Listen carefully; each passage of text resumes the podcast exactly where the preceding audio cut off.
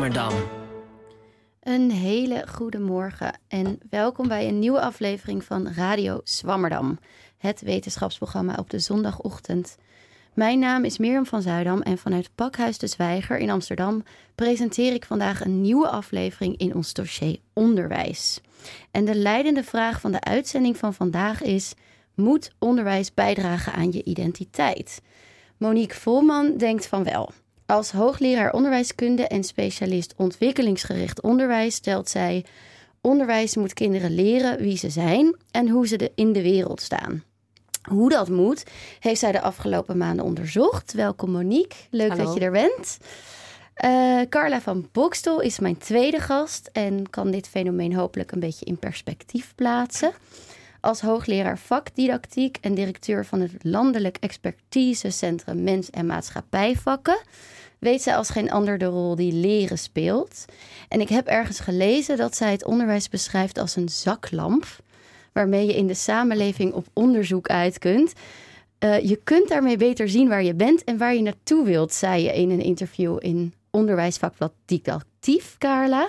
Is dat inderdaad uh, hoe je het ziet? Ja, dat klopt helemaal. Uh, goedemorgen. Goedemorgen.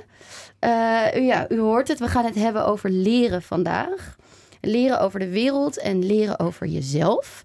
En als ik het heel even over mezelf mag hebben, ik vind leren ongeveer het leukste wat er is. Uh, ik denk dat iedere keuze in mijn leven gemotiveerd wordt door de vraag: wat leer ik ervan? En bij de research voor deze uitzending kwam ik een citaat tegen van Pippi Langkous. Die zegt: uh, Ik heb het nog nooit gedaan, dus ik denk dat ik het wel kan. En daar identificeer ik me dan weer heel erg mee. Uh, ik ben benieuwd hoe dat bij mijn gasten is en bij Afke Kok, mijn mede-presentator van vandaag. Goedemorgen, Afke. Goedemorgen. En, uh, en bij jullie luisteraars thuis. Mail ons vooral op uh, radioswammerdam.gmail.com om ons te vertellen over de rol die leren speelt in jullie leven. En meteen de proef op de som. Uh, hier aan tafel zit ook oud Zwammerdammer en kerstverse columnist Luc Brans. Luc, hoe belangrijk is leren voor jou? Leren is voor mij heel erg belangrijk. Dat is ook iets, een van de leukste dingen die ik doe. Ik vind het ook een van de leukste dingen in het leven om te doen. Net als jij, denk ik. Ja. ja. En waar gaat je column over? Want daar ben je hier voor vandaag. Mijn column gaat over tweetalige onderwijs aan, de hoge, aan het hoger onderwijs in Nederland, aan de universiteit. Aha. Dus ook zeker iets met leren te maken. Ja, zeker. Oké, okay. uh, maar eerst. U hoorde haar al even, Monique Volman, die onderzoek deed naar de identiteitsontwikkeling van kinderen. Uh, haar onderzoek heet Exploreren kun je leren. En gaat over de rol van onderwijs in identiteitsontwikkeling van leerlingen. En voor dit onderzoek heb je vooral heel veel andere onderzoeken gelezen, geloof ik. Een literatuurstudie ja. gedaan. Ja, het is kun je daar iets, ja, kun je daar iets over vertellen? Um, nou, wat we tegenwoordig heel vaak doen in de wetenschap, dat is dingen bij elkaar halen die al bekend zijn. Hè? Dat, dat, is heel efficiënt natuurlijk. Als er allerlei onderzoek in het buitenland is gedaan, waardoor we dingen weten. Uh, ja, is het ook onze taak om dat weer toegankelijk te maken, bijvoorbeeld voor mensen in de Nederlandse onderwijspraktijk. Ja. En dat hebben we met deze studie gedaan. Een soort dus overzicht. Een overzicht is het, ja. Dus we, hebben, nou, we zijn begonnen met meer dan duizend studies. Uh, want je, ja, je maakt dan een soort zoekstring en dan ga je de literatuur in. Maar er zit heel veel bij wat je niet kan gebruiken. En uiteindelijk zijn we geëindigd met iets van 150 uh, studies die we hebben bestudeerd. En internationaal of allemaal Nederlandse nee, studies? Nee, vooral uh, internationaal. Er waren eigenlijk maar een paar Nederlandse bij. En hoe heb je dat dan gedaan? Want je, je, je bestudeert en wanneer is zo'n onderzoek dan bruikbaar en wanneer niet? Nou, je stelt een aantal criteria op waarvan je zegt van dat is precies wat we willen weten. Dus wij vonden het moest gaan over identiteitsontwikkeling. Het moest, in, uh, uh, het moest voortgezet onderwijs zijn, want dat was ook een beperking. Uh, nou, uiteindelijk was het dus zoveel dat we ook nog hebben gezegd dat onderzoek wat speciaal gaat over wat draagt onderwijs nou bij aan seksenidentiteit of aan etnische identiteit of religieuze identiteit, die hebben we er allemaal uitgelaten. Nou, daar kun je echt reviewstudies op zich over maken. Ja. Dus we hielden eigenlijk over de dingen die gaan over hoe ga je over jezelf denken als leerling, als, als iemand die goed of slecht kan leren of leren leuk vindt. Hè. Dus jullie hebben een, een leeridentiteit allemaal die heel positief is. Nou, het gaat heel veel over kinderen die dat niet ontwikkelen. Uh, en verder ging het ook over meer ja, identiteit in het algemeen. Van wat draagt onderwijs nou bij aan jouw blik op de wereld, aan je blik op jezelf en, en aan je uh, ideeën over wat je kan bijdragen aan Ja. de samenleving. En, en je, je zei net even heel kort van jullie hebben allemaal een po- positieve leeridentiteit. Omdat Luc en ik in Mhm. ieder geval net aangaven van wij vinden leren leuk. Ja, ja, precies. Maar er zijn dus ook een heleboel kinderen die dat niet hebben. Of Ja. minder? Of hoe, wat is leeridentiteit precies? Ja, nou ja, dat, dat was eigenlijk mijn, mijn allereerste drive om met dit onderzoek aan de slag te gaan. Het, het idee dat we tegenwoordig zeggen, eh, we, iedereen moet zijn leven lang leren. Hè, want eh, de kennis eh, veroudert heel snel en je, bent niet meer, je kunt niet meer één baan voor de rest van je leven houden. Maar je zult je moeten blijven ontwikkelen. En tegelijkertijd is het zo dat heel veel kinderen van de middelbare school verlaten met het idee van gelukkig, ik hoef nu nooit meer te leren, hè, nooit meer Frans, nooit meer scheikunde leren. Bleh. Ja, Ja. En, en dat is natuurlijk heel tegenstrijdig en ook heel triest. En ik, nou ja, en ik denk ook dat we dat, dat we dat zelf ook doen op scholen. ja, Die kinderen komen niet op school met het idee van ik kan niet leren. Dat ontwikkelen ze gaandeweg. ja, want een van de, van de eh, termen in jouw onderzoek is het verborgen curriculum. Mhm. Ja. Eh, klonk he- heel spannend, vond ik. En dat heeft volgens mij te maken met Ja. wat je net zegt. Dus kinderen komen eigenlijk nog een soort van blanco naar school en krijgen daar het idee van ik kan dus wel of niet leren. Ja, ja. Kun je uitleggen wat het verborgen curriculum precies ja, is? eh, nou, ik vond dat zelf, in, toen ik zelf onderwijskunde studeerde, een, echt een van de inzichten uit de, uit de onderwijswetenschappen.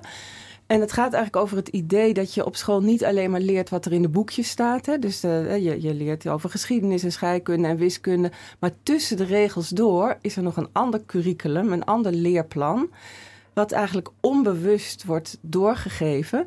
Ja, en dat, dat is eigenlijk heel breed hoor. Dat gaat over waarden en normen. Dat zijn dingen als eh, je houdt je mond als iemand anders praat. Of je zorgt dat je je spullen bij je hebt. Of hè, je moet wel op tijd op school komen.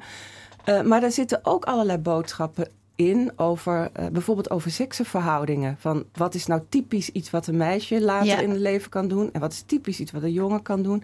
En er zitten elementen in die gaan over uh, hoe, wat je moet zijn om een goede leerling te zijn. En heel veel leerlingen pikken tussen de regels door op dat ze niet zo slim zijn. En dat leren eigenlijk niet iets voor ze is. Dus er zijn gewoon kinderen die op school het idee krijgen dat ze niet goed zijn in leren. Wat ja. per, ja. niet per se zo is. Nee, want misschien leren ze wel heel goed uh, elders. Op, er zijn kinderen die het op school heel slecht doen, maar in hun vrije tijd wel een beetje een, een restaurant runnen. En het overzicht houden. Ja. En dat is ook leren. En, en wat zijn dan die, die krachten die spelen in zo'n klas die dat veroorzaken? Zeg maar, waarom krijgt een kind dus het gevoel dat hij niet kan leren, terwijl dat niet per se zo hoeft te zijn? Nou, we hebben in de literatuur dus een aantal mechanismen uh, gesignaleerd, of dat, eruit gedestilleerd, die daarbij een rol spelen. En um, nou, de een, een daarvan is uh, selectie en differentiatie. In, in Nederland hebben we een systeem waarin op hele jonge leeftijd al gezegd wordt van... nou, jij bent iemand die goed met zijn handen kan werken en jij kan goed nadenken. Dus jij gaat naar VMBO-basis en jij gaat naar het VWO. Ja. Uh, maar ook binnen klassen. Op, in het basisonderwijs delen we nu groepjes in, kinderen in, uh, om ze te helpen. Maar ondertussen ben je een groepje... Uh, je hoort bij de langzame leerders of bij de snelle leerders. Je bent een, uh, een maandje, een raketje of een sterretje. en, ja, en, zit heel erg te knikken. Ja. Herken je ja, dit? Precies dat. Wij hadden dan uh, paars, groen, oranje en rood in de klas. Ja. En het was natuurlijk heel erg duidelijk dat dan de paarse de slimme mensen waren, zeg maar. Ja, ja. Dan, dan, ja, had je ook nog een paars plus en zo. En ik, ik, ik vond dat toen al maar grote wat dan? onzin. Terwijl Moest je aan was. de paarse tafel, zeg maar, hoe ging dat?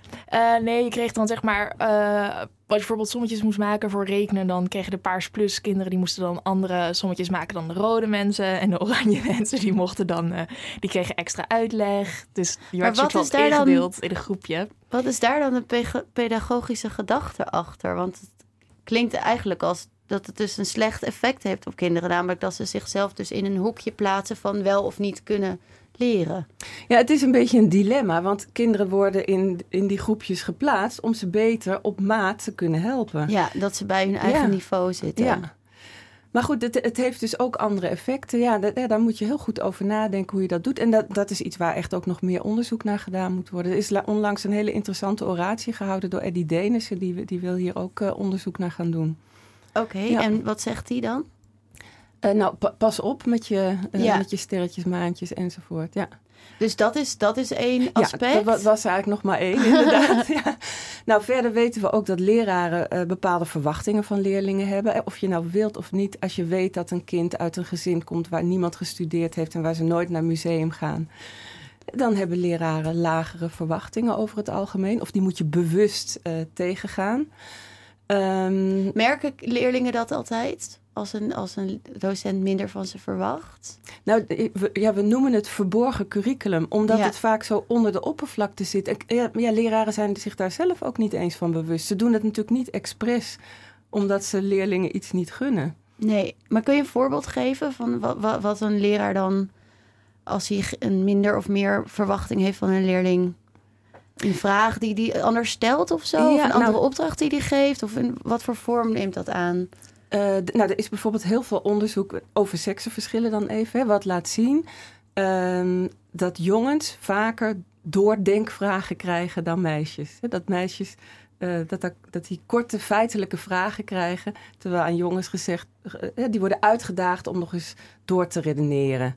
Uh, ik heb zelf ook onderzoek, ook onderzoek gedaan naar seksenverschillen. En dat, toen ging het over informatica-onderwijs, of informatiekunde heette dat toen nog. En daar zag je dat leraren bij de meisjes heel snel het even overnamen. Van uh, oké, laat mij het maar eventjes uh, doen. Terwijl ze de jongens eigenlijk stimuleerden om zelf uit te zoeken wat er, waar ze vastliepen, waarom ze vastliepen. Zo gek. Ja, ja. zo gek. En vooral omdat ik denk van, je hoort ook heel vaak van meisjes doen het eigenlijk relatief goed op school. Ja. Die ja. gedijen heel goed bij zo'n leeromgeving. Ja. Dus dat vind ik dan eigenlijk gek. Terwijl jongens dus veel meer gestimuleerd worden om op onderzoek uit te gaan.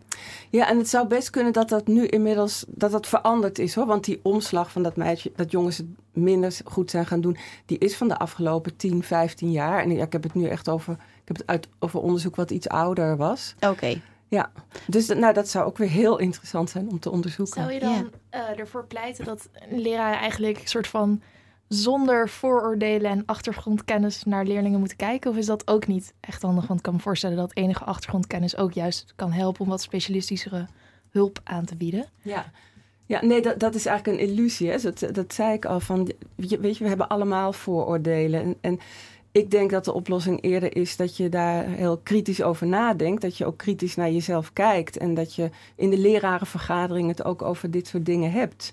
Om er bewust mee om te gaan. Ja, het heeft ook heel veel te maken eigenlijk met een uitzending die we eerder in dit dossier uh, uh, hebben gemaakt. Het ging over uh, verwachtingen eigenlijk van die ouders hebben ja. van hun kinderen. Ja. En dat te hoge verwachtingen of eigenlijk en overdreven complimenten hm.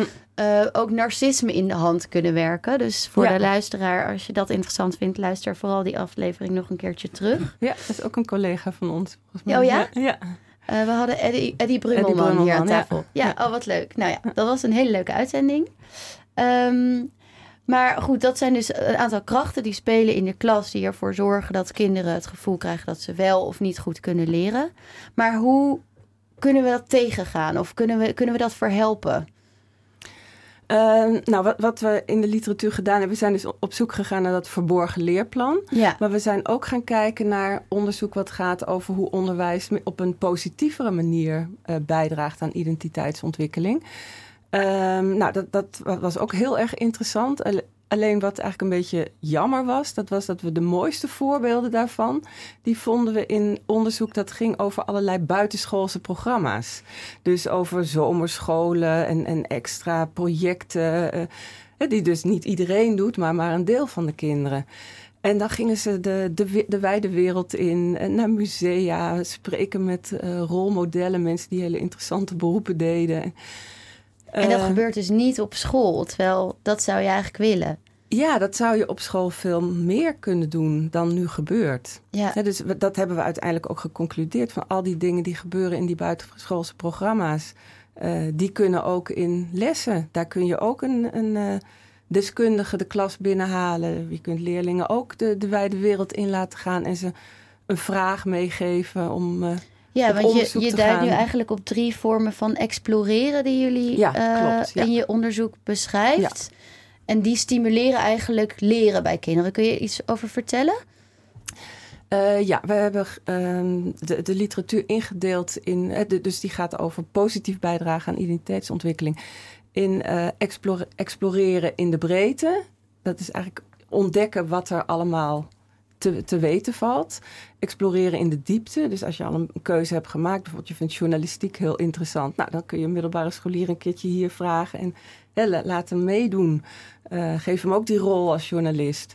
En je hebt, uh, dat hebben we reflectieve exploratie genoemd. En dat is dat je ook kunt nadenken of meer stil kunt staan bij wat alles wat je op school leert, al die saaie, vervelende vakken, uh, wat die met jou te maken hebben, wat ze, uh, of het iets voor je is, uh, hoe ze je blik, hoe, hoe ze eigenlijk die zaklamp kunnen zijn waar Carla mhm. het over heeft.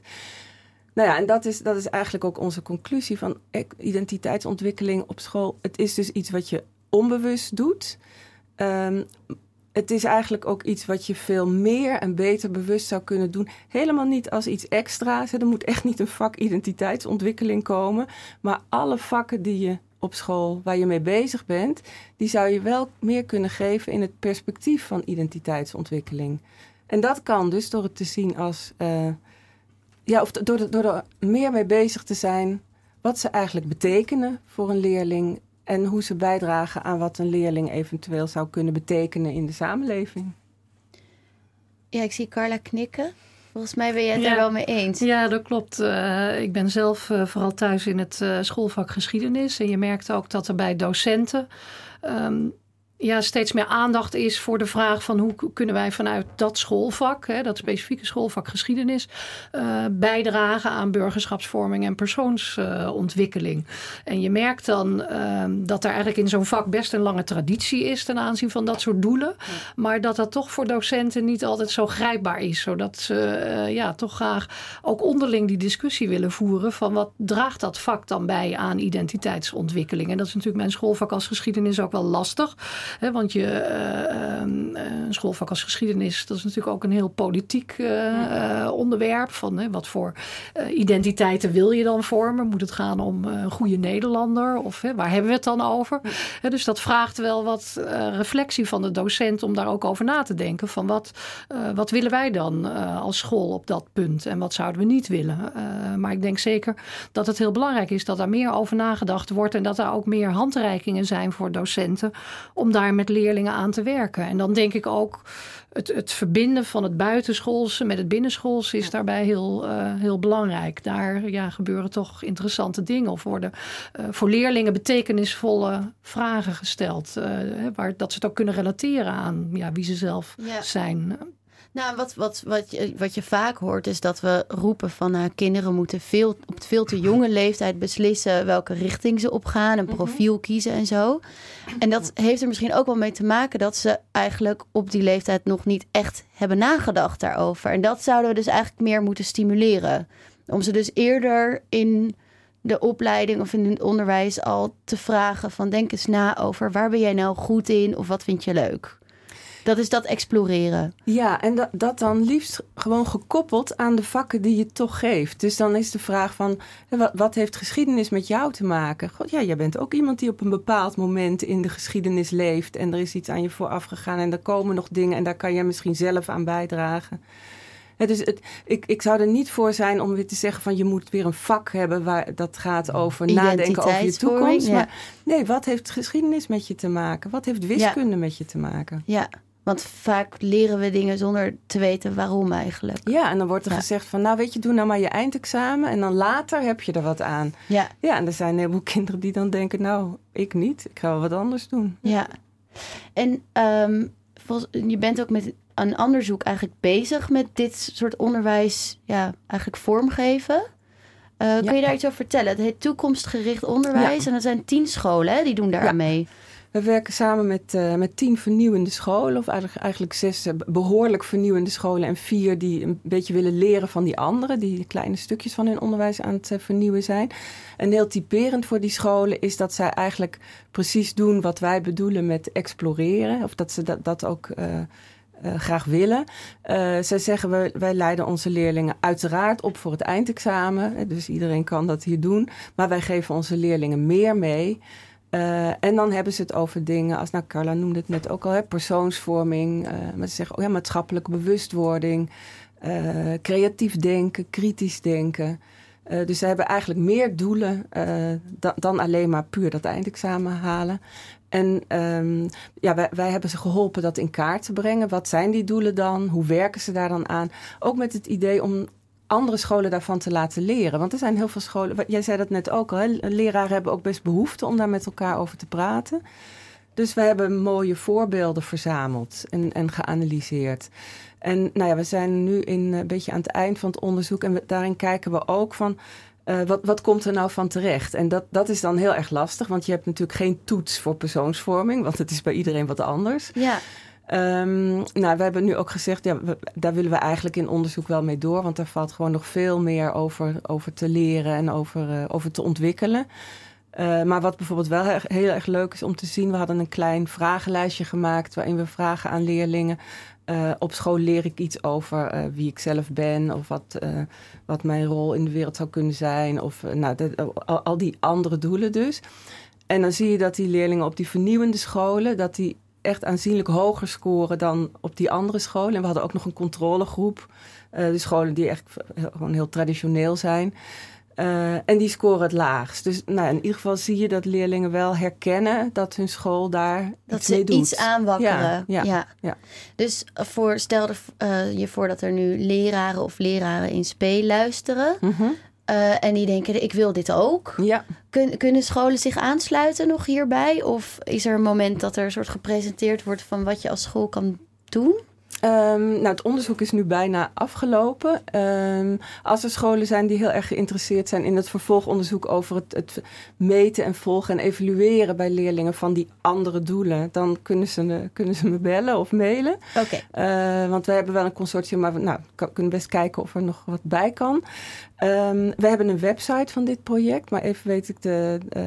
Het, pro het, project heet niet... Toekomstgericht Onderwijs. Toekomstgericht dus als je dat onderwijs. intypt ergens, dan ja, vind je ik het denk dat vanzelf. je hem dan wel uh, vindt. En de, de website zit vast aan de website van het Koonstam Instituut. Dus als je dat erbij uh, googelt, dan uh, vind je hem zeker. Oké, okay, nou vast een tip voor uh, wie luistert en dat leuk vindt.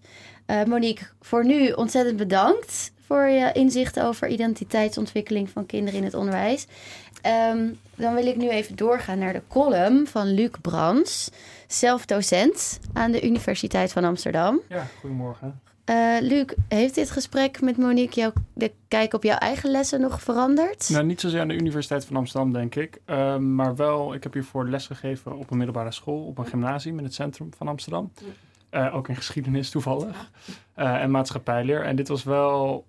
Ik kan wel herkennen dat het iets zou zijn waar ik als docent over zou willen praten, ook met andere docenten. Want het kwam inderdaad voor dat je merkte in een klas dat sommige leerlingen die bijvoorbeeld beter op jou aansloten qua -hmm. opvoeding of achtergrond, dat je daar ook sympathieker naar bent, mm -hmm. automatisch. Soort van, en op een gegeven moment, ik ben ook so als socioloog opgeleid, dus ja. ik was daar heel erg, ik, ik was daar misschien iets zelfreflectiever in dan mijn collega's, omdat ik een beetje bourgeoisiaans daarover aan het nadenken was. Maar ja, ik herkende wel een beetje van... Mm, ja, ik herken heel goed dit, uh, die neiging. Of tenminste, ja, ik vond daarom ook een heel interessant gesprek, zeker. Oké, okay, en dan heb je ook een column geschreven vandaag. Ja. Van, ga van start, zou ik zeggen. Ja. um, het is donderdagmorgen, een uur of elf in de donkere weken voor de kerst, wanneer een student uit de Verenigde Staten tijdens een propenduizenwerkgroep in de kelder van het Routers Eilandgebouw tegen me uitvalt. Ze zegt: I pay a lot in tuition fees for this program, so everything at this university should be flawless, and the university should cater to all my needs. Sinds dit jaar wordt het bachelorprogramma Politicologie, waar ik doseer, aangeboden in zowel Engels als Nederlands.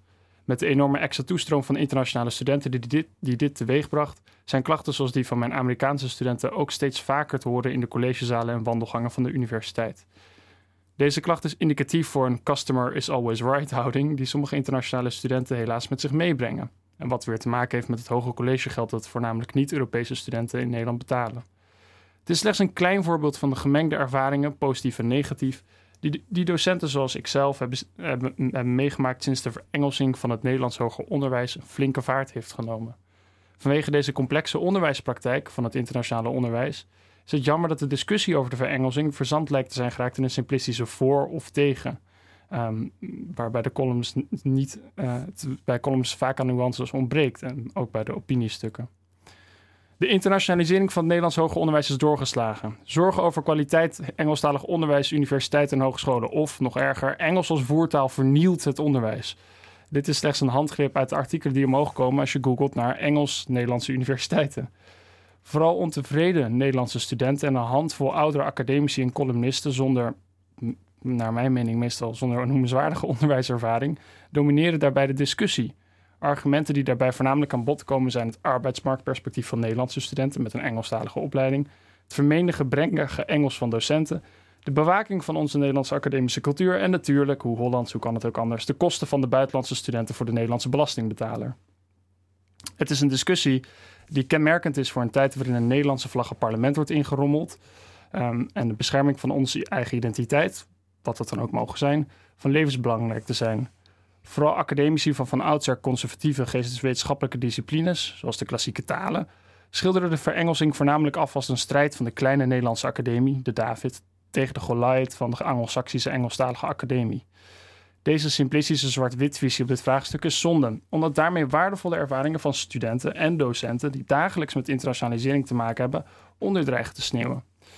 Dus laten we daar eens naar gaan kijken. Wat heb ik geleerd van drie maanden Engelstalig onderwijs? Um, weliswaar gegeven in een tweetalig programma, dus dat moet ik wel even bijzeggen. In mijn programma Politicologie wordt ook nog Nederlandstalig werkgroep onderwijs aangeboden naast het Engelstalig werkgroep onderwijs. De voornaamste les is eigenlijk dat internationalisering van een opleiding ongekend ingewikkeld is. En dat komt omdat er een hele batterij aan uitdagingen bij komt kijken die van tevoren heel lastig in te schatten zijn. Kijk, natuurlijk kan je eenvoudigweg je docenten op cursus Engels sturen of een diversiteitstraining. Maar hoe ga je om met die customers always right houding van de Amerikanen? Hoe ga je in de dagelijkse onderwijspraktijk om met de grote verschillen in startniveau van studenten? Als je als opleiding bij wet niet mag selecteren aan de poort een VWO-gelijkwaardig diploma uit Italië blijkt toch een ander start, tot een ander startniveau te leiden dan een VWO-gelijkwaardig diploma uit pak een beet Rusland. Hoe ga je om met de verschillende manieren van toetsing die studenten uit het buitenland gewend zijn? Wat weer leidt tot sterk uiteenlopende tentamenresultaten van Nederlandse en Engelstalige studenten. Dit zijn hele lastige uitdagingen waar het antwoord niet eenvoudig op gevonden is. En het zijn vraagstukken die helaas amper de revue passeren in het maatschappelijk debat. Tegelijkertijd zullen veel van mijn collega's ook beamen dat lesgeven aan internationale studenten ook juist positieve kant heeft. De enorme diversiteit en perspectieven van studenten leidt tot, een leidt tot leukere werkgroepen en leuker onderwijs. Omdat je, zeker bij de sociale wetenschappen, profiteert van verschillende culturele achtergronden van studenten. Een discussie over burgerschap in een recente werkgroepbijeenkomst leidde dankzij de bijdrage van de Chinese studenten tot interessante inzichten over de verschillende burgerschapsopvattingen in het oosten en in het westen. Sommige internationale studenten hebben er ook al een halve carrière op zitten, zoals de 30-jarige Nieuw-Zeelandse medicus in mijn werkgroep. Wat weer leidt tot een professionelere werkhouding in de werkgroep en ook tot nieuwe inzichten vanuit zijn vakgebied. Dit leidt tot een atmosfeer, of een atmosfeer is misschien een anglicisme, maar een, uh, een sfeer waarbij studenten meer van elkaar kunnen leren. Internationale studenten lijken meer gedreven te zijn. Die zijn vaak bewuster bezig met de toekomst naar de studie en komen grosso modo beter voorbereid naar mijn werkgroepen dan mijn eerdere Nederlandstalige eerstejaars. Van deze voordelen kunnen ook Nederlandse studenten profiteren.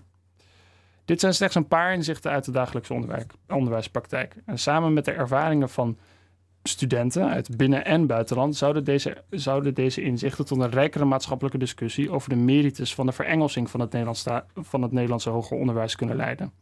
Hopelijk volgt daar dan ook beter beleid uit. Het zou jammer zijn als we in plaats van blijven steken in een discussie die gereduceerd lijkt te zijn tot het zoveelste nationale identiteitsspasme, gepaard gaan, gepaard met de zoveelste fixatie op financiële kosten en baten van bepaald beleid. Daarom pleit ik hier voor een beter doordachte discussie over internationalisering. Dankjewel, Luc. Uh, ik kijk mijn gasten aan. Willen jullie hierop reageren? Zit er iets bij wat jullie herkennen of juist niet? Uh, niet in de zin van ervaring met uh, Engelstalig onderwijs, want ik werk met name in de lerarenopleiding, universitaire lerarenopleiding. En wij leiden daar natuurlijk uh, docenten op voor het Nederlandse onderwijs. Dus we hebben geen ja, internationale studenten daar. maar ik kan me wel heel goed voorstellen dat als je dat wel doet, met internationale studenten werken, dat het inderdaad heel veel vragen oproept over hoe je eigenlijk onderwijst. hoe zit je toetsing in elkaar? Differentieer je? Hoe doe je dat? En dat zijn feitelijk wel hele goede vragen, denk ik, voor docenten aan een universiteit om zich geregeld te stellen. Dus dat zou ik wel heel positief vinden. Maar ik kan me ook voorstellen ja, dat het allerlei lastigheden uh, met zich meebrengt uh, tegelijkertijd. Ja, dus dat, Wordt hier eigenlijk veel onderzoek naar gedaan? Naar de effecten van dus tweetalig onderwijs? in het voortgezet onderwijs is er wel uh, onderzoek naar uh, scholen die uh, een deel van het curriculum in het Engels aanbieden. die, die dan in het Engels zeg maar hun curriculum aanbieden. Maar, en er is volgens mij ook wel onderzoek naar ja, werken met een hele internationale groep studenten, hoe dat werkt en, en wat die ervan. Ja, ja, precies. Ja. Maar voor Luc, voor nu nog een beetje gemengde gevoelens. Ja, ik, ik weet niet of ik er nou erg voor of tegen ben. Ik, uh, ik, ja, in de dagelijkse onderwijspraktijk heeft dus heel veel voor- en nadelen. Maar ik, ik weet niet of dit nou een pad is wat we langdurig moeten inslaan als academie. Dat weet ik echt niet zo goed.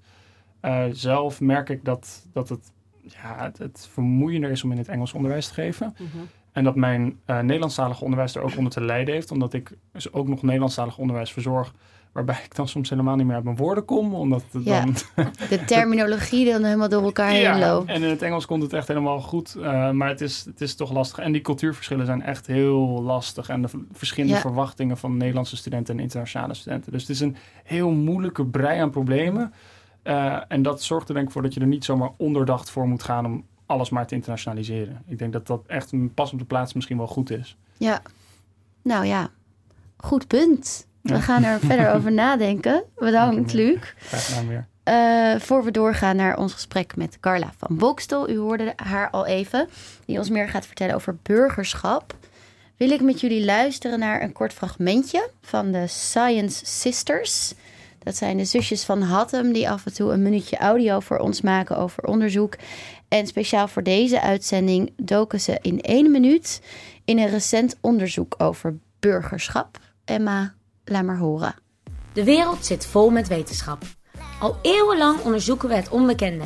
En in die zoektocht komen we bijzondere dingen tegen. Wij, Nina en Jessie, zijn de Science Sisters. En vertellen de meest opvallende wetenschappelijke verhalen. Deze week vertel ik een verhaal over jongeren en de democratie. Want Nederlandse jongeren weten minder over democratie dan hun leeftijdsgenoten in andere landen. Dat blijkt uit een nieuw onderzoek. En volgens de Amerikaanse Jimmy Kimmel kan je niet vroeg genoeg beginnen. How are you? Good. Okay, well, uh, are you interested in politics? I don't even know what that is. Okay. Maar ook in Nederland weten jonge kinderen weinig, zoals te horen is bij het programma Kleintjes. Ik heb geen idee wat er in de politiek afspeelt. Oh, hoe heet die ook alweer? Dat is Mark Rutte. Oh. Ja, ik ken hem wel, maar ik weet even niet hoe die heet. Rutte. Rutte. Rutte! Dit is een autopatje. Voor het jongerenonderzoek werden 2800 tweede klassers in 24 landen bevraagd. Wat bleek? De Nederlandse jongeren hebben minder politieke betrokkenheid dan hun buitenlandse leeftijdsgenoten. Ze vinden verkiezingen niet zo belangrijk en zijn minder van plan te gaan stemmen. What party do you belong to? Oh. Sophia. Family? Family? How about you guys? Jillian? A family. Family party? Yes. I'm part of the birthday party. We eat a lot of cake. Jongeren in Nederland hebben minder kennis omdat ze pas in de vierde klas maatschappijleer krijgen. In een aantal andere landen gebeurt dat eerder. Pas rond hun zestiende leren Nederlandse jongeren bijvoorbeeld wat het verschil is tussen het parlement en de regering. En wat kunnen we eraan doen? Volgens de onderzoekers moeten we meer inzetten op burgerschapsonderwijs. Hoe dat werkt en waarom dit zo belangrijk is, dat legt Carla van Boksten uit in deze uitzending. Ja, dat waren de Science Sisters. En Carla, voordat je reageert wil ik eigenlijk even aan Monique vragen. Je was betrokken bij dit onderzoek. Hebben de zusjes het een beetje goed uitgelegd? Ja, volgens mij waren het alleen veel meer leerlingen, denk ik. Uh, ik maar omdat het in zoveel landen is. En ik weet al dat we in Nederland ontzettend veel moeite hebben gehad om genoeg leerlingen uh, bij elkaar te krijgen. Dus nou, maar verder vond ik het uh, prima, ja. Goed uitgelegd. Oké, okay, nou dan gaan we over naar Carla. wat vind je van dit onderzoek? Dat Nederlandse leerlingen eigenlijk veel minder van de democratie weten dan leerlingen in andere landen. Nou, ten eerste is het denk ik heel goed om dit onderzoek te doen. Want dan weet je tenminste ja, hoe het zit uh, in Nederland, ook in vergelijking met andere landen.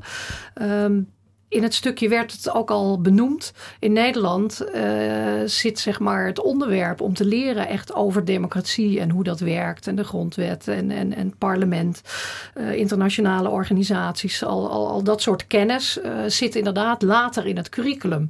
dus het is gemeten bij leerlingen die feitelijk nog best veel onderwijs krijgen over die democratie. Dus dat ja, moet je er inderdaad denk ik wel, wel bij zeggen.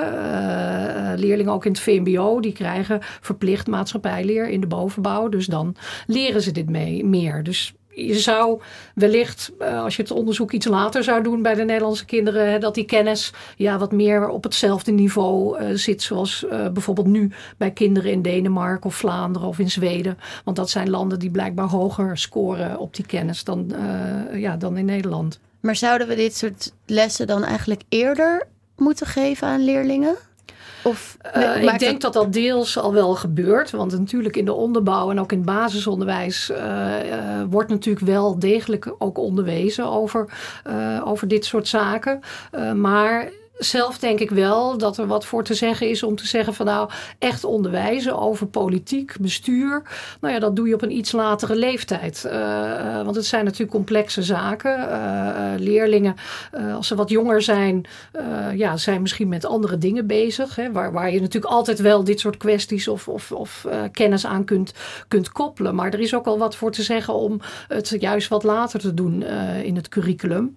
Maar wat misschien ook een rol speelt is dat in het Nederlandse basisonderwijs uh, natuurlijk helemaal niet zoveel aandacht is voor wereldoriëntatie. Uh, dat waar je denkt van nou, daar zou toch een beetje een kiem gelegd kunnen worden voor kennis over democratie, over, uh, over burgerschap, functioneren van de democratie.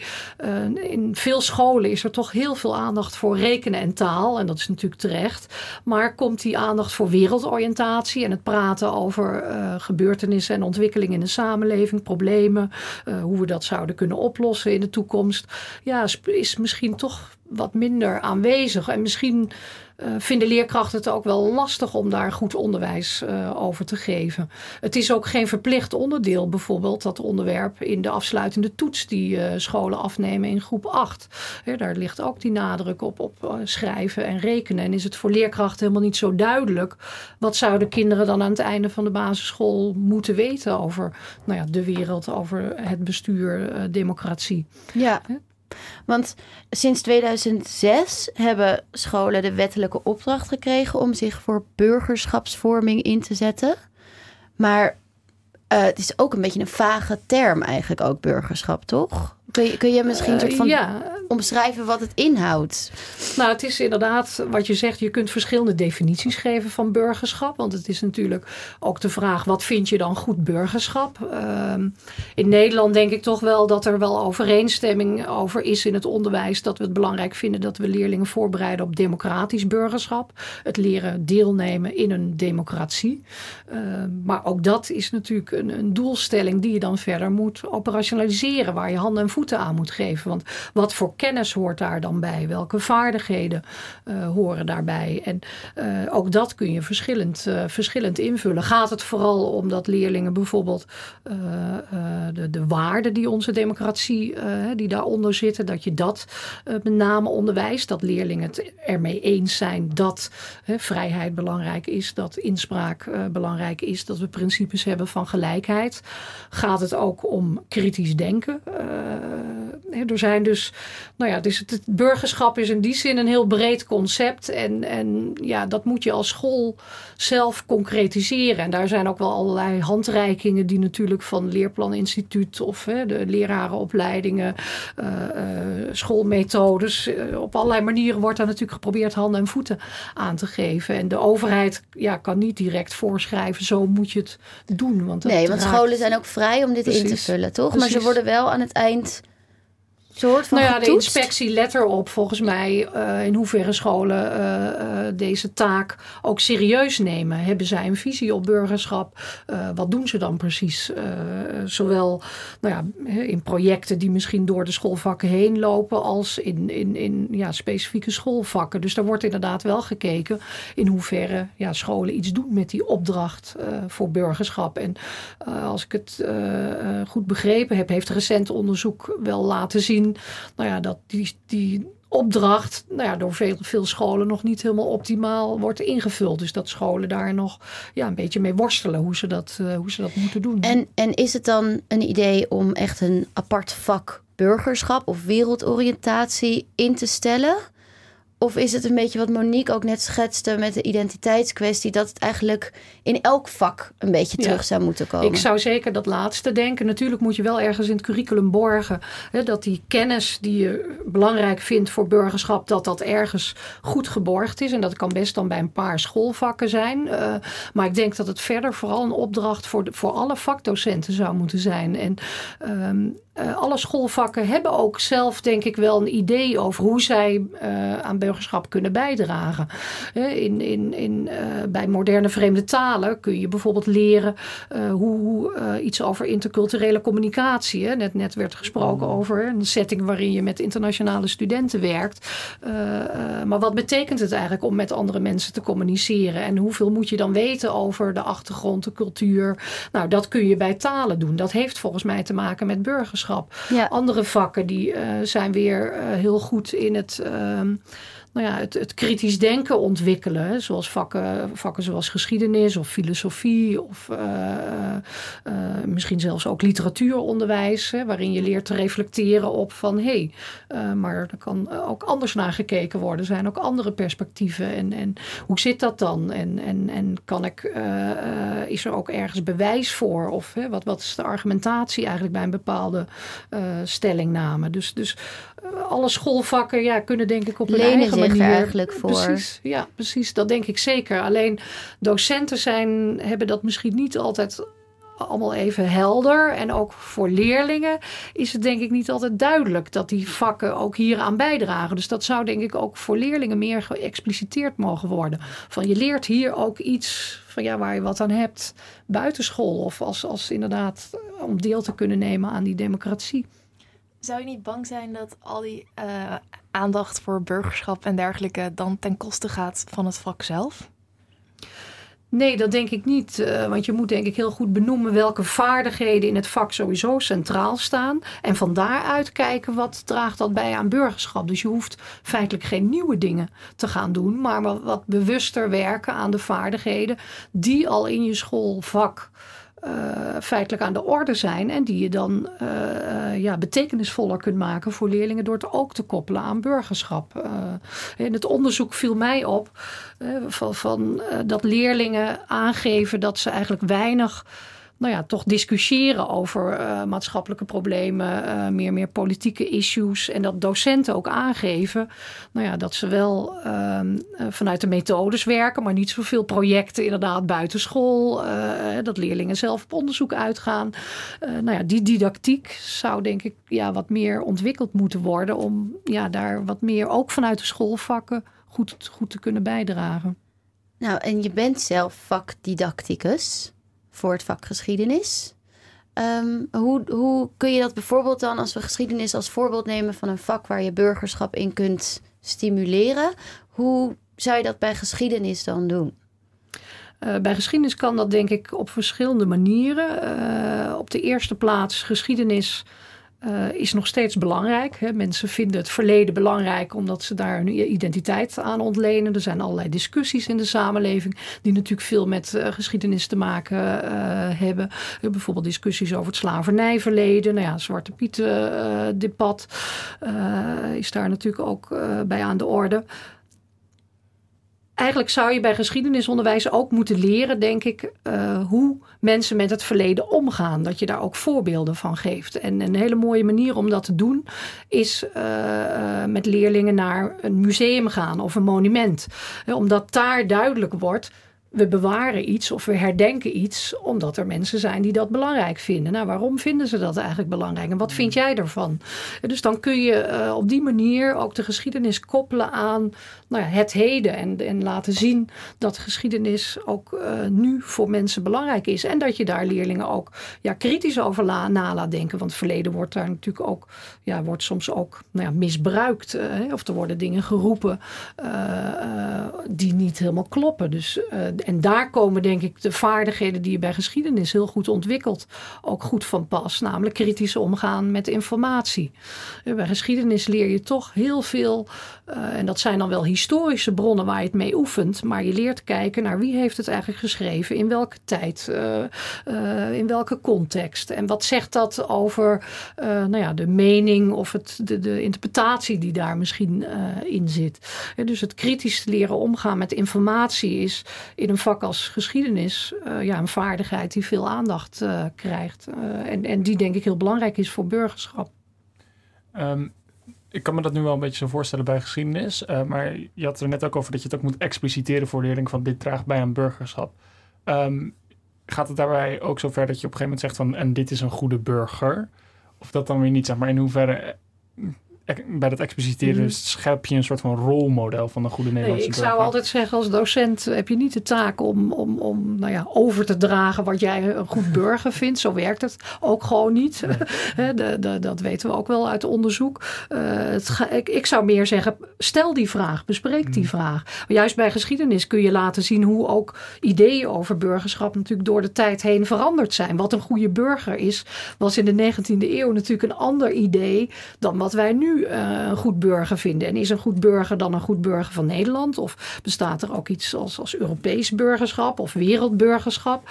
En ik zou zeggen, probeer daar met leerlingen, uh, probeer daar het juist over te hebben met de leerlingen. Zonder dat je zelf zegt, nou ja, ik vind dat je dit moet denken. Want uh, ja, A, dat werkt niet. En B, kun je afvragen ja, of dat de taak in een democratische samenleving, hè, waarin je toch ook vindt dat mensen zelf na moeten denken over ja, wie ze zijn en wat ze belangrijk vinden, ja, dat je dat moet voorkomen. Dat je zegt van nou, dit is een goed, uh, goed burger. Ik ben het daar helemaal mee eens, maar ik denk wel dat het zo is dat een van de redenen dat leerlingen zo, het, het, Nederlandse leerlingen slecht scoren als het gaat om burgerschapscompetenties, dat dat ook heel veel te maken heeft met dat we in Nederland heel erg bang zijn om uitspraken te doen over wat goed is. Uh, en dat zit heel diep in onze on onderwijssystemen met de vrijheid van onderwijs. En dat is een, een groot goed. Maar ik denk dat daar een soort reactie op door, bestaat van leraren die willen bijvoorbeeld ook niet graag zelf zeggen wat ze ergens van vinden. Nou, daar, daar kan je over van mening verschillen. Moet, als je het op tafel legt en zeg maar je mag ook wat anders vinden, uh, dan is dat misschien ook wel prima. Maar als je dus uit angst het maar gewoon nergens over gaat hebben, ja, dan krijg je dus dat, dat leerlingen ook hun eigen gedachten er niet over kunnen ontwikkelen. Ja, daar ben ik het wel mee eens. Want uh, wat mij ook opviel in het onderzoek is dat leerlingen aangeven in Nederland, tenminste daar scoren ze lager dan leerlingen in andere landen.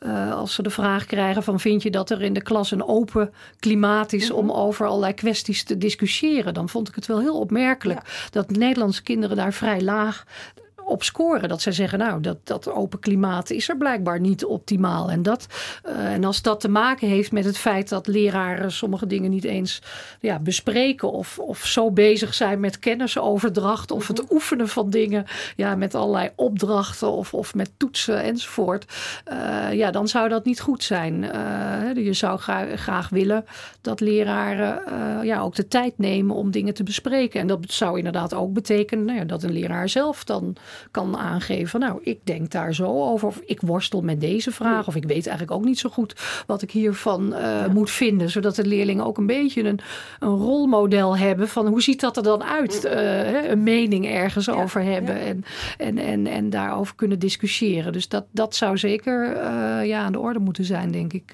dat leraren dat ook zelf, ja, of in ieder geval zelf nadenken over hoe denk ik daar eigenlijk zelf over. En ja, kan ik dat inbrengen in de klas? Ja.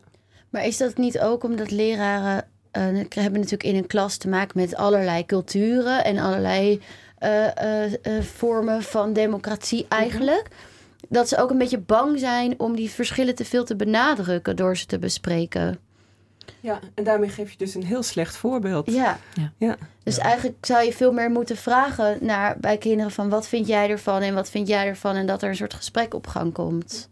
Nou, er is wel een collega van mij heeft een, uh, in, meer in Europees verband een klein onderzoekje gedaan onder Nederlandse geschiedenisdocenten met de vraag uh, van uh, bespreek je in de klas gevoelige geschiedenis? En in Nederland kan dat geschiedenis zijn die met slavernijverleden te maken heeft of met de holocaust of met optreden in, in, in Nederlands-Indië.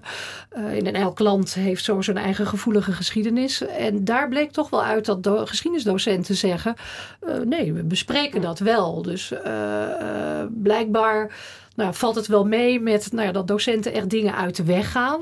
Maar daar een goede didactiek bij hanteren van hoe, hoe je dan omgaat met al die verschillende perspectieven of nou emotionele reacties van leerlingen. Ehm, ook de studenten die van onze leraaropleiding afkomen, die zeggen wel eens van ja, ik zou daar toch eigenlijk wel wat meer handvatten voor willen, uh, willen hebben. Dus daar moeten we ja, denk ik ook veel meer onderzoek naar, naar doen. Van hoe, uh, hoe bespreek je dan die dingen in de klas? En wat is dan een goede uh, discussie? En, en, hoe kan die docent dan zo'n discussie nou ja, ondersteunen en zorgen nou ja, dat het toch ook een beetje een veilige leeromgeving blijft. Waar niet, niet leerlingen ja, dingen gaan roepen die weer kwetsend zijn voor andere kinderen. Dus dat, dat, en dat heeft natuurlijk niet alleen met uh, zo'n schoolvak te maken of dat specifieke onderwerp, maar meer denk ik ook met de hele ja, sfeer op een school, de, het klimaat op een school, uh, hoe er sowieso met elkaar omgegaan wordt. Dus dat is niet iets wat je in je uppie als docent doet, maar waar je als school als geheel continu aan moet, uh, moet werken. En zijn er dan nog soort van concrete tips die je docenten zou kunnen meegeven? Van hoe zorg je dan voor zo'n klimaat? Of moet dat in een lerarenkamer besproken worden? Ik denk beide. Je kunt als leraar zelf natuurlijk uh, werken aan je eigen didactische vaardigheden. Uh, ik doe zelf met een collega onderzoek naar uh, onderwijsleergesprekken. Hoe, hoe bespreek je eigenlijk nou ja, dingen, bijvoorbeeld historische onderwerpen in de klas, waarbij je zoveel mogelijk leerlingen betrekt. En er zijn allerlei technieken waarmee je zeg maar leerlingen actief kunt betrekken in een, in een discussie. En dat begint al met een goede opdracht. leerlingen zeggen meer in een discussie als het goed hebben voorbereid. Als ze ook ergens iets van afweten. Of, hè, dus je moet goed nadenken over, ja, ga je zomaar iets bespreken?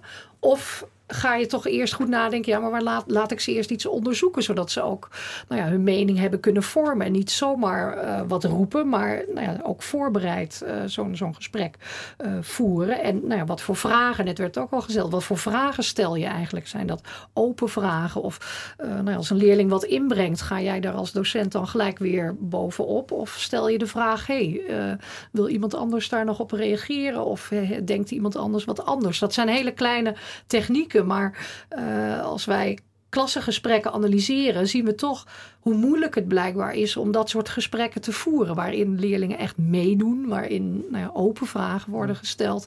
En dat zijn wel dingen waar je ja, waar je in, je in kunt oefenen als, als docent. Dus uh, als je dit soort dingen beter wil doen, zou ik zeggen, ja, probeer daar bewust, uh, bewust aan te werken als docent, aan dat soort vaardigheden. En wissel met collega's uit van hoe doe jij dat? Uh, of hoe reageer jij als leerlingen dit of dit zeggen? Dat is ook ja, vooral uitwisseling, denk, denk ik, tussen docenten onderling en zo'n zo'n open discussie, dat, nou, dat lijkt mij natuurlijk fantastisch als dat uh, in, de, in de klas gebeurt. Dat er dus denk ik iedereen het over eens. Uh, maar hoe zou dat dan uh, nou specifiek bijdragen aan de vaardigheden die je voor geschiedenis nodig hebt?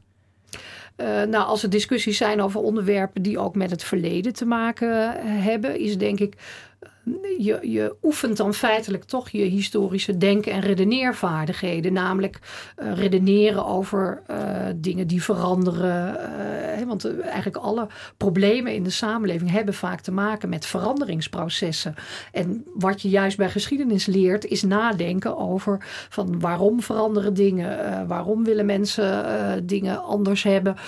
wat voor gevolgen heeft dat? Soms heeft dat ook ja, onbedoelde neveneffecten. Dus nou ja, het, het, het redeneren en het samen spreken en discussiëren over onderwerpen die ook nou ja, met dat soort veranderingsprocessen te maken hebben, of die met geschiedenis te maken hebben, dragen denk ik heel veel bij aan dat soort vaardigheden. Nou, en het maakt misschien ook wel uh, uit voor wat, wat, waar we het met Monique over hebben gehad. Dat leerlingen ook zelf beter begrijpen waarom ze iets moeten leren. Ja. Doordat ze het de hele tijd kunnen refereren aan wat betekent het in mijn wereld. Ja, ja. ja. Zeker. En um, eigenlijk heb ik nog wel een slotvraag. Want we hebben nu eigenlijk denk ik wel geconcludeerd dat leren heel belangrijk is en hoe je dat stimuleert dan bij kinderen. Maar hoe lang moeten we eigenlijk blijven leren? Moeten we ons hele leven blijven leren? En hoe stimuleer je dat bij een volwassene? nou, ik denk dat de opmerking moeten. Ik denk dat je sowieso leert je hele leven. Dus ik denk maar dat is er een soort curve, zeg maar? Is er een moment dat, je het, dat het leren een beetje Je leert voorbij steeds is? misschien verschillende dingen ook. Ik denk dat in je leven het nadruk misschien steeds op wat andere dingen misschien kan komen te liggen. Want in een beroep eh, ja, zijn het weer misschien andere dingen die belangrijk zijn om te leren. Eh, ehm, maar ik denk zelf dat een, een lerende houding, zowel voor jezelf in je privéleven als in welk beroep dan ook, de houding om te willen blijven leren en, en toch af en toe ook eens na te denken over van kan ik dit, eh, eh, zou ik het beter willen doen eh, of niet, vind ik het belangrijk. Nou ja, die reflectie die zeg maar dat leren ook een beetje aanjaagt, ja, die zou denk ik toch wel heel belangrijk zijn. Ja, dus Ja, we zijn het allemaal eens. eens. We Ja. moeten gewoon gelukkig, want we vinden het ook Lekker veel te leuk natuurlijk. Ehm, ik hoor alweer de eindtune lopen en dat betekent helaas dat we moeten gaan afsluiten. Maar ja, ik kan wel zeggen dat we in ieder geval een heleboel geleerd hebben vandaag. Eh, daarvoor wil ik mijn gasten bedanken. Monique Volman en Carla van Bokstoel. Hartelijk bedankt eh, voor jullie inzichten zo op de vroege zondagochtend. En ook wil ik onze nieuwe columnist Luc Brands bedanken voor zijn eerste bijdrage in zijn nieuwe rol. En ook de technicus van vandaag, Emma van Venen. En natuurlijk Aafke. Bedankt weer voor je vrolijke aanwezigheid vandaag. En jullie luisteraars. Leuk dat jullie ons ook dit seizoen weer weten te vinden. Vergeet niet een mooie recensie achter te laten in iTunes. Zodat ook nieuwe potentiële luisteraars kennis kunnen maken met ons programma. En volg ons op Facebook en Instagram. Eh, en, ehm, want daar houden we jullie op de hoogte natuurlijk van aankomende uitzendingen. Ehm, en over aankomende uitzendingen gesproken, volgende week een nieuwe aflevering in het dossier Nieuwkomers. Eh Nathalie gaat het hebben over nieuwkomers in de geschiedenis, geloof ik. Maar voor nu genoeg wetenschap. Het is zondag en tijd voor ontspanning. Mijn naam was Mirjam van Zuidam. Dit was Radio Zwammerdam. En ik wens u nog een hele fijne zondagochtend.